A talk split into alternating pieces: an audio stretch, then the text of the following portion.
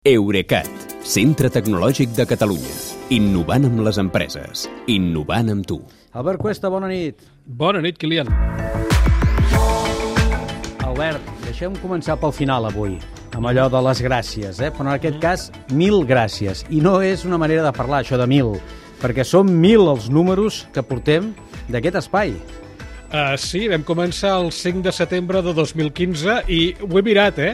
Sí? Uh, aquell dia ja parlàvem de hackejar mòbils i de serveis digitals que, ca que queien. En aquell cas era Skype. Skype. Uh, sí, uh, després bé, vam fer tota la temporada, vam, vam, vam aturar-nos dues temporades i vam ja reiniciar el, el cicle al setembre del 2018 eh, amb el suport dels amics d'Eurecat i fins ara, vull dir que felicitem-nos mútuament.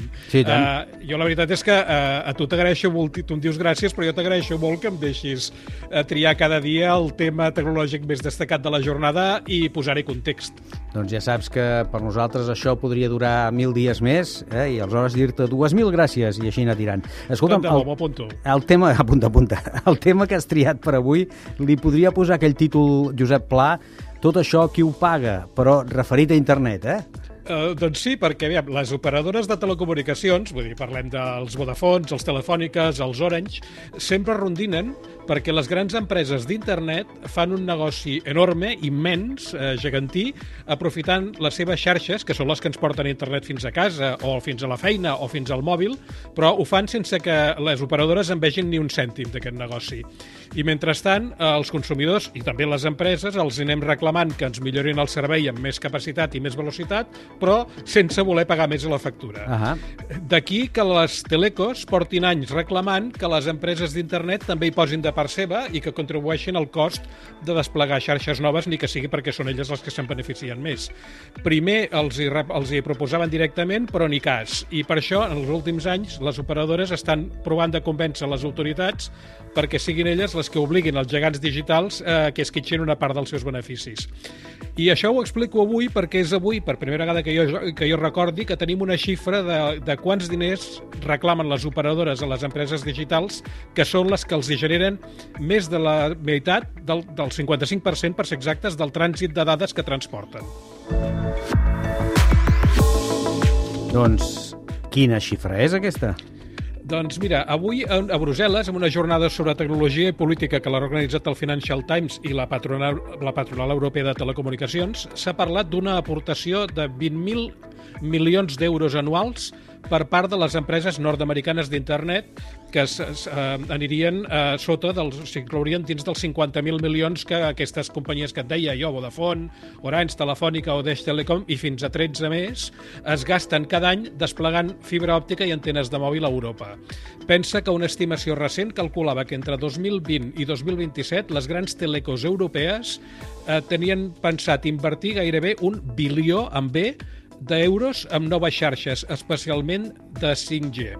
Uh, naturalment, les operadores aquesta reclamació de diners la venen uh, públicament de manera positiva i diuen que si Google i Meta i companyia hi posen 20.000 euros cada any, 20.000 milions d'euros cada any, gràcies a les noves xarxes que es, que es podrien desplegar, el PIB de la Unió Europea creixeria 72.000 milions cada any i es crearien 840.000 llocs de feina. Eh, també et dic que les telecos ara ploren molt, però que elles també han tingut molts anys per crear els serveis digitals i no ho han fet. Per exemple, com és que WhatsApp no el va inventar cap operadora, sinó un parell d'emprenedors, a més europeus, emigrats als Estats Units? Doncs perquè aquests dos van saber-ho fer i els altres no s'hi van posar. Aquests 20.000 milions que les operadores reclamen són molts o pocs? Mira, deixa'm dir que se'ls poden permetre. He fet un exercici que és sumar els beneficis nets de Google, Amazon, Meta, Microsoft, Apple i Netflix i només durant el trimestre passat sumen més de 58.000 milions de dòlars nets. És a dir, que devem estar parlant entre totes sis d'un total anual d'uns 200.000 milions. Uh, per tant, el que la, les telecos reclamen a Brussel·les que els hi faci pagar és una desena part d'aquesta animalada, d'aquesta fortuna. Uh, I les autoritats de, per, per europees, i en aquest cas per boca de la vicepresidenta espanyola Nadia Calviño, que és la de temes digitals, han dit que és urgent trobar un, el que en diuen un equilibri just de participació amb les inversions que l'economia digital requereix i que cal fer evolucionar el marc normatiu en aquest sentit. O sigui que les digitals ja es poden anar calçant. I les empreses d'internet què diuen? Eh, doncs com pot suposar, s'hi resisteixen. Uh, Google ja ha dit que això que se'ls demana fa molt de la, de la dècada passada i, de més, recorda que les grans empreses d'internet també es gasten molts diners en tirar cables submarins d'alta capacitat, que és una cosa que aquí també hem explicat sovint. Uh, però, aviam, si tu mires, bé, aquests cables el que fan és enllaçar els seus centres de dades d'un continent amb els de l'altre i el seu cost ja està descomptat d'aquests beneficis que et deia. I en qualsevol cas, qui porta les dades fins a casa nostra són les telecos.